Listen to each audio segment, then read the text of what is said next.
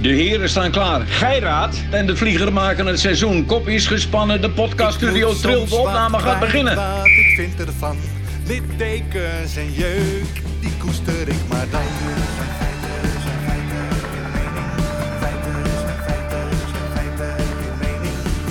Duidelijk en luid, riemen vast vooruit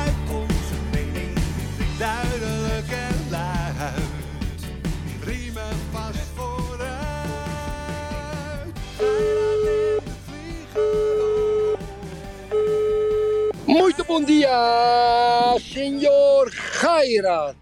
Moto Bom Dia Kapitaal, de vlieger. Hé, hé, coureur, coureur, notaria Verstappen. Ja. Hoeveel kilometer per uur rijden jullie op dit moment? Nou, nu rijden we 165 km per uur. Maar dat komt, dames en heren, omdat ik midden op het Iberisch Schiereiland rijd. Van onderweg van helemaal Zuid-Portugal naar Bilbao. Dat is ongeveer 1150 kilometer. En ik heb eventjes met de, met de notaris, ja, kijk, een Amsterdamse vastgoedhandelaar. Die zich in, in, op het Iberisch Schiereiland rijdt, rijden door een notaris. Mijn leven is geslaagd. Mijn leven is geslaagd. Maar nu rijdt de notaris even, zodat ik rustig met jou deze podcast kan maken, Yves. Hoe was het met Won Jip? Ja, Erik, het was, eh, het was een fascinerende avond. We, zijn, eh, we moesten in Utrecht zijn vanwege het eh, Nederlands Filmfestival 2022. Het was, dit vond dan plaats in Utrecht in het Kine, Kinepolis bioscoop.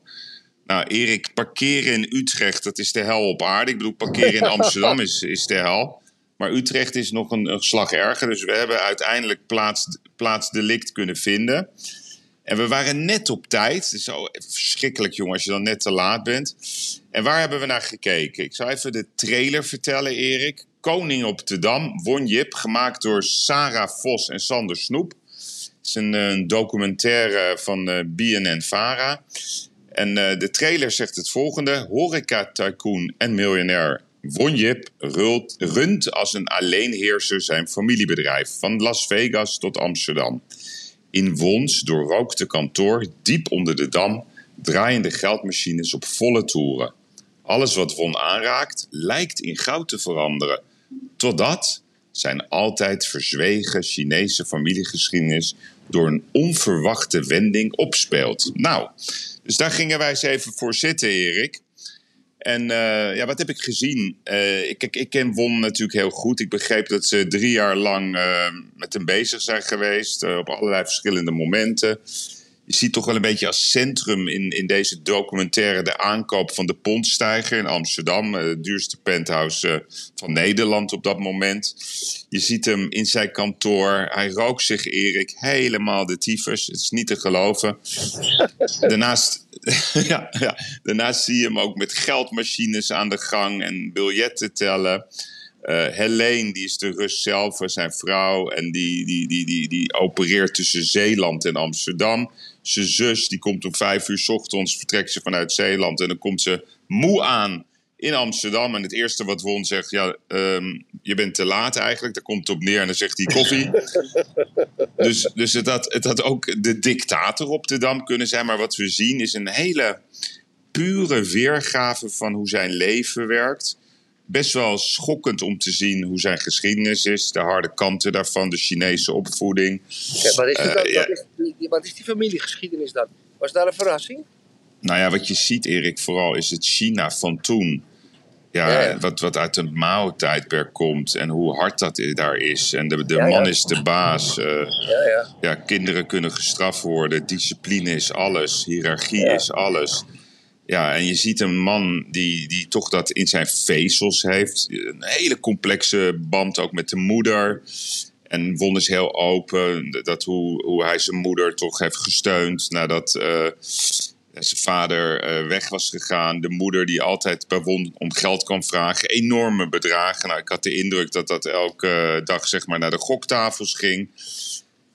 Maar ik vond het heel puur. En ik vond het eh, heftig. Heftig vooral. Eh, Is zijn, va- is zijn vader, is, is zijn vader weggegaan?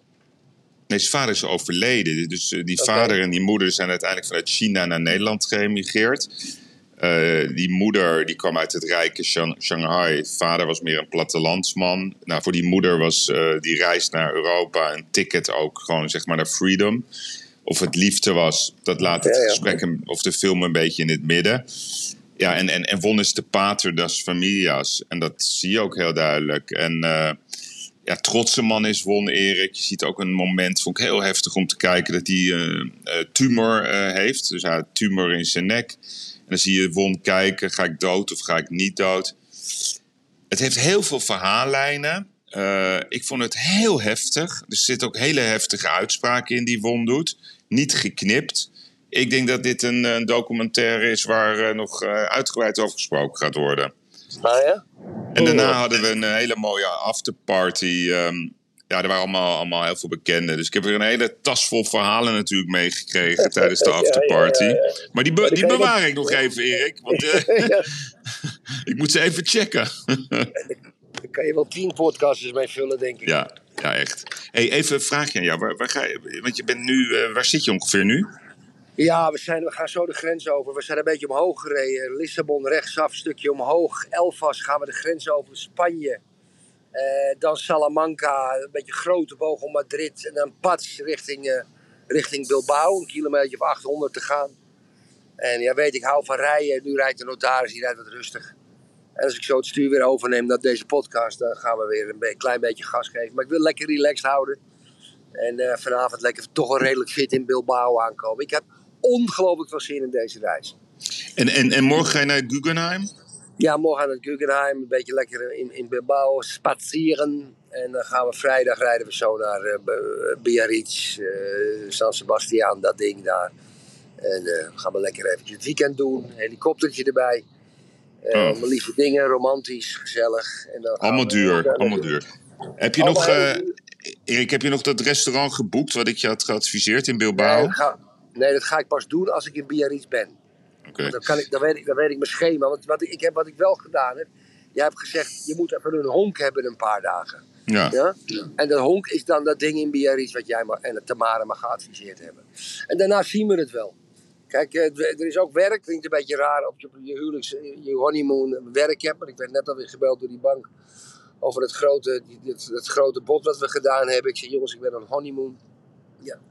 Dus alles speelt. Maar Yves, ik heb eventjes met anders met je willen bespreken, met de luisteraars. Ik ben totaal gebiologeerd en eh, super geïnteresseerd in het dossier Nord Stream 2. Mm. Wat wil nou het geval, luisteraars? Er is gisteren op drie plaatsen in deze pijplijn, eigenlijk van Rusland naar Duitsland, is er eh, een sabotageactie geweest. Waarbij op 80 tot 100 meter diepte eh, de, de pijpleiding op drie plaatsen ja, i- onklaar is gemaakt. En hoogstwaarschijnlijk met explosieven. Want in Zweden hebben ze seismische eh, activiteit ontdekt op die, op die stuk van de bodem van de zee. In, op Deens grondgebied. Nou, wat gebeurt er dan? Eh, ik, ik, ik was zo gebiologeerd. Ik ben direct naar BBC World, naar CNN, naar NBC. Eh, gisteravond nog een stukje meegekregen van, eh, van Op 1. Dat wil ik eventjes... Ik wil daar even Nord Stream even, eventjes parkeren. Ik weet niet of je Op 1 gezien hebt. Ik denk het niet. Maar er zat dus een NATO-generaal. Dus de Nederlandse, af, een Nederlandse afgevaardigde NATO-generaal. Een soort generaalkerel. En die zei eigenlijk, en ik heb nog nooit van mijn leven zoiets gehoord, dames en heren. Die zei dat Nederlandse verzekeringsmaatschappijen en pensioenfondsen toch moesten investeren in bedrijven die oorlogsequipment maakten. Dus we hebben twee, drie jaar geleden zijn al die pensioenfondsen, door wie dan ook, aangevallen. Dat ze überhaupt geïnvesteerd hadden in bedrijven die wapens maakten. Je was een paria, je was een asociaal. Ja? En nu zit er dus bij op één. En, en onze vriend Thijs van der Brink stelde die man daar geen enkele vraag over. Die zat gewoon eventjes te advocateren over het feit dat onze pensioenen best in de wapenindustrie geïnvesteerd mochten worden. Ik viel bijna van mijn stoel. Maar dat terzijde.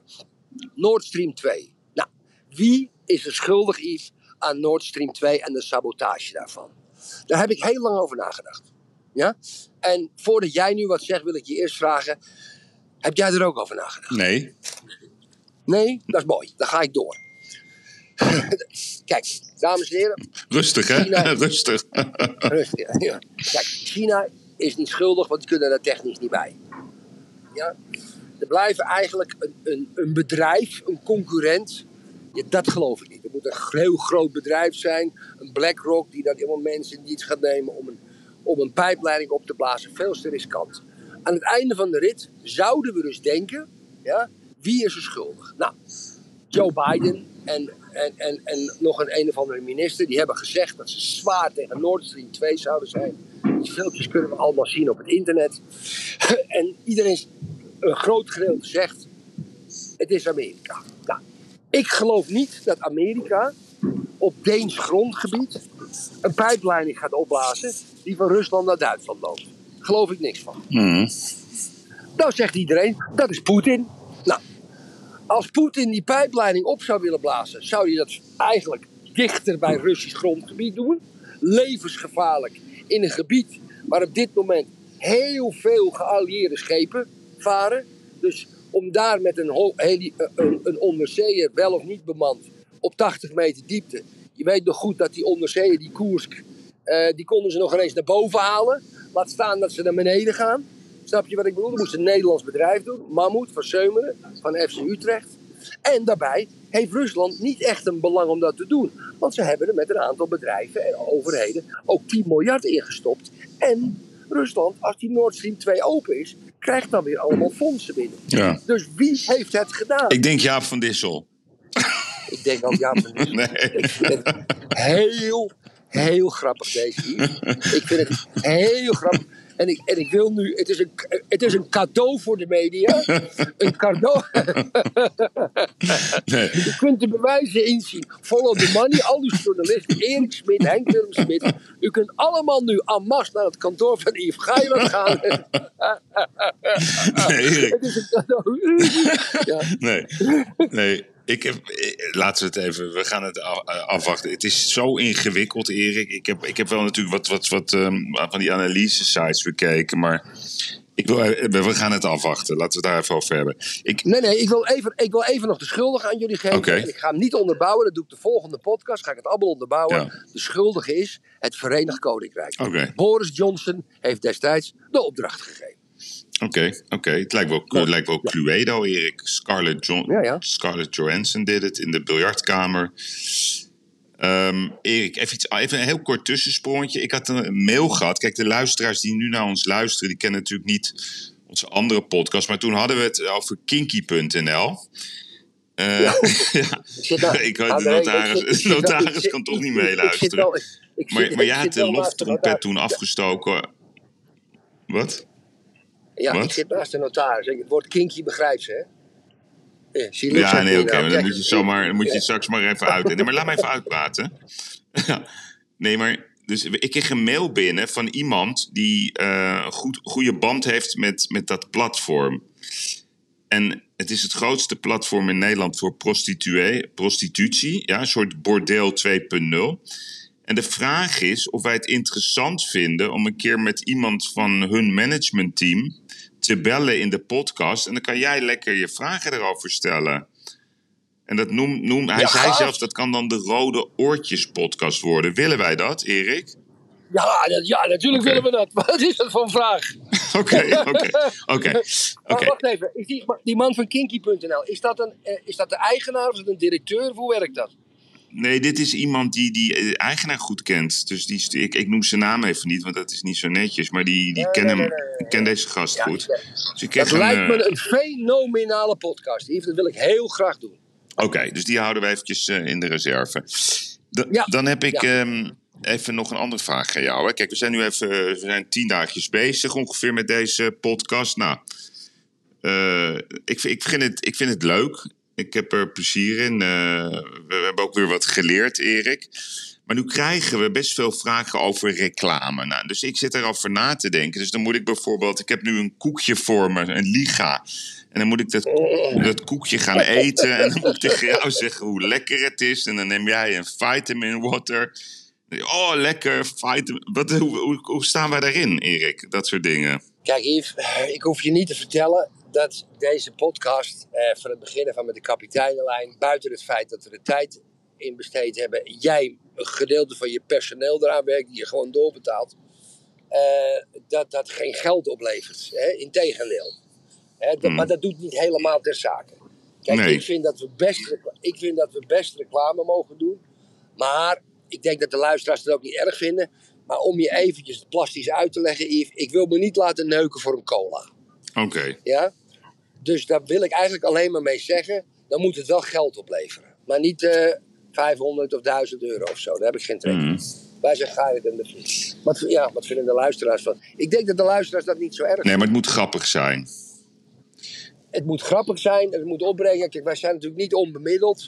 Ja? Dus het is, niet, het is geen dealbreaker. Maar als er adverteerders komen, en ik moet ook nog achter het product staan. Want ik ga geen liga-koek eten die ik niet tevreden vind en wel aanprijzen. Daar Nee, begin oké, ik niet aan. oké, oké. Ja? Hey, nog een vraag. Ehm, wij zijn, Ja? Vorig jaar hebben wij die prijs gewonnen. hè? Beste nieuws- en opiniepodcast van Nederland. Van eh, FD BNR. En die, en, die, en die nominatieronde is weer op gang gebracht. En dat hebben we vorig jaar ook wel besproken en verteld. Willen we dat weer? Nee, nee. Nee, hè? ik heb er geen zin in. Nee, we hebben een kras. We hebben een kras. We hebben prachtige dingen gedaan. We kunnen ze allemaal uitleggen. Maar je weet, eh, vertrouwen komt te voet en vertrekt te paard. We hebben een kras op ons blazoenetje met betrekking tot ome Jaap. Ja. Ja, het gaat, en dus ik vind niet dat we nu ons moeten gaan nomineren. Ik heb dat, we doen het misschien volgend jaar weer, maar dit jaar niet. Maar dat is alleen maar mijn mening. Nee, vind ik ook. Mooi. Zijn we ook over eens? Hebben we nog meer vergaderpunten? Ja, nee, maar ik, ik, ik vind dat ook. Ja, het is wel een lastig gesprek dit. Waar- Waarom? Ik zeg nog tegen jou, ga even langs de kant staan of zo. Maar je je rijdt nu dat het. Ben je bezig met, eh, met, de, met de ronde van de Baskeland of zo? Ja, maar kijk, ik, wat we nu al afspreken, als ik eruit klap, als ik over de Spaanse grens ga, Ja. dan stopt het gesprek ook. Oké, oké. Ja, dus klinkt wel eh, heftig. Klinkt heftig. hey, ehm, Mathieu van der Poel. Ja. Ja, heb je het filmpje gezien?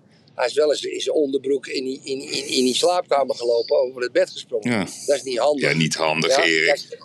nee. Maar Jan Vertongen, Ja. Jan Vertongen gaf een fa- fantastische tweet. Ja, Ja? Die zei, ik weet niet of ik het ook niet had gedaan. ja, maar dat zeg ik ook. Kijk, Erik, als jij de andere kant van de wereld gaat reizen. Twee maanden je helemaal werkelijk waar de, de, de, de slag in de ronde werkt om, om, om, om top, topfit te zijn. Je betaalt je eigen ticket. Je bent helemaal klaar voor de big game. En dan zit je op een gang met kinderen. Die, de hei, die, die Ja. hebben dan een spelletje dat heet eh, Knock and Run. Die Ja, ouders ja. die weten dat ook, ja. Dus die vinden dat prima. Die meisjes gaan dat ook filmen. Alsof het, ze bezig zijn met een spelletje. Ja, hij is er klaar mee. Ja. En dan gaan ze ook nog eens massaal dit delen aan eh, social media kanalen. Om het nog eventjes eh, aan te jagen. Even een jongen zijn carrière in, in, in een vernieling helpen. En, en, en oké, Mathieu is veroordeeld voor 1000 euro, weet ik veel wat. En dan gaan die mensen nog in hoger beroep ook. Wat een naargeestige mensen, zeg. Bah, Bah. Echt waar. bah. Wat een nare, echt een nare mensen. Is bah. Ja. Ik hoorde...